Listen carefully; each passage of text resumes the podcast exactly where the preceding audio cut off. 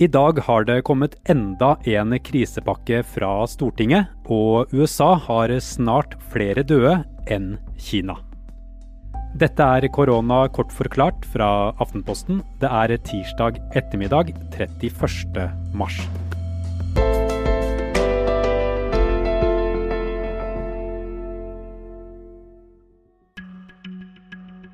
Tallet på innlagte pasienter med koronasmitte i Norge har gått ned med tre personer fra i går til i dag. I alt er 318 personer på sykehus. 97 av dem får intensivbehandling med respirator. Sverige strammer inn reglene for å håndtere korona i dag. Nå ber statsminister Stefan Löfven folk om ikke å dra på reiser som ikke er nødvendige. Hittil har svenskene valgt en mindre streng tilnærming enn Norge. Stell inn reisen over påsk. Mindre orter rundt om i landet de måtte ha ressurser for sin befolkning. Nå stenger svenskene også aldershjem for besøk, og sier de vil teste flere. Tirsdag ettermiddag hadde 180 personer mistet livet av korona i Sverige. En økning på 34 personer det siste døgnet. USA har snart passert Kina i antall dødsfall pga. koronapandemien. Nå har litt over 3000 personer mistet livet i USA, mens det er registrert 3300 døde i Kina siden desember. I Italia og Spania har til sammen rundt 20 000 mennesker omkommet. Utlendingsdirektoratet har avlyst alle asylintervjuer. Årsaken er smitteverntiltak som gjør at saksbehandlerne ikke kan møte søkerne fysisk. De sier de vil prøve å få til en ordning over Skype. I natt ble Stortinget enige om enda en krisepakke til norsk næringsliv. Norge er et rikt land, men den virkelige formuen vår, det er folk som går på jobb.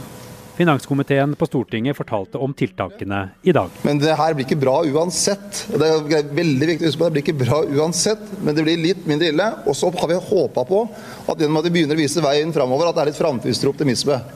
Og planen er at pakken skal hjelpe mange. Studentene, bedriftene, de utsatte bedriftene, olje- og gassnæringa, de kommunene som er hardest rammet av covid-19-viruset, bensinstasjonene De mest utsatte, det er de lavest lønte. Politisk journalist her i Aftenposten, Thomas Spence. Dette er jo krisepakke nummer tre. Hva er egentlig forskjellen på disse pakkene? Eh, de er eh, vinklet inn mot ulike deler av samfunnet, som nå mer eller mindre har gått i stå. Eh, den første, søndag 15.3, var en lån- og garantiordning for næringslivet i første rekke, for å sikre at bedriftene ikke skulle stoppe helt opp. At de har mangel på penger inn, manglende likviditet, skulle rett og slett stanse. Så kom den neste store på fredag, som har en slags prislapp på 310 milliarder kroner. Eh, den var jo rettet veldig mye eh, mot eh, litt lengre horisont enn den første. Hva skal bedriftene gjøre som har enten måttet stenge over natten pga. myndighetenes krav til karantene og lignende, eller som har tapt store deler av inntektene. Det er en såkalt kontantstøtte. Den vet jo ingen helt hva vil koste, for vi vet jo ikke helt hvor mange bedrifter som er rammet, og hvor sterkt de er rammet, og ei heller hvor sterkt myndighetene vil gå inn for å kompensere. Men at det blir mye penger, ingen tvil.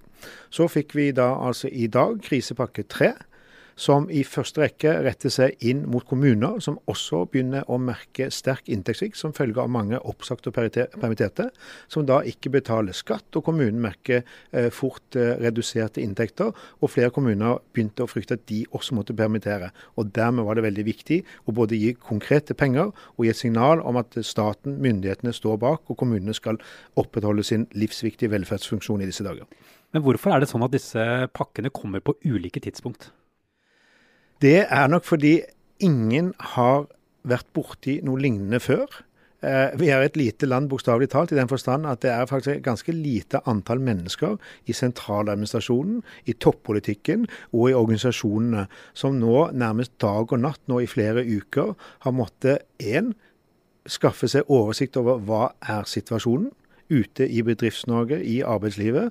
Og to, sammen finne løsninger som bredest mulig flertall, og i stort sett eh, en, eh, klare, rene flertall, stiller seg bak. Eh, og så har man selvfølgelig også hatt som mål at dette skal jo være penger som skal virke. De skal virke raskt. Det nytter ikke å komme med tiltak som får virkning til høsten eller neste år. Dette er bedrifter som trenger eh, livgivende hjelp akkurat nå. Så det har vært eh, natt og dag, og jeg tror det er slik en slags krisehåndtering hvor man gjør eh, det som må gjøres først, og så går man løs på de neste skrittene.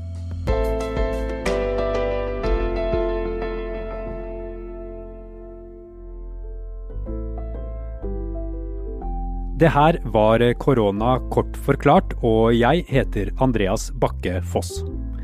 Vi gir deg det viktigste om koronaviruset de ettermiddagene det er noe nytt å fortelle.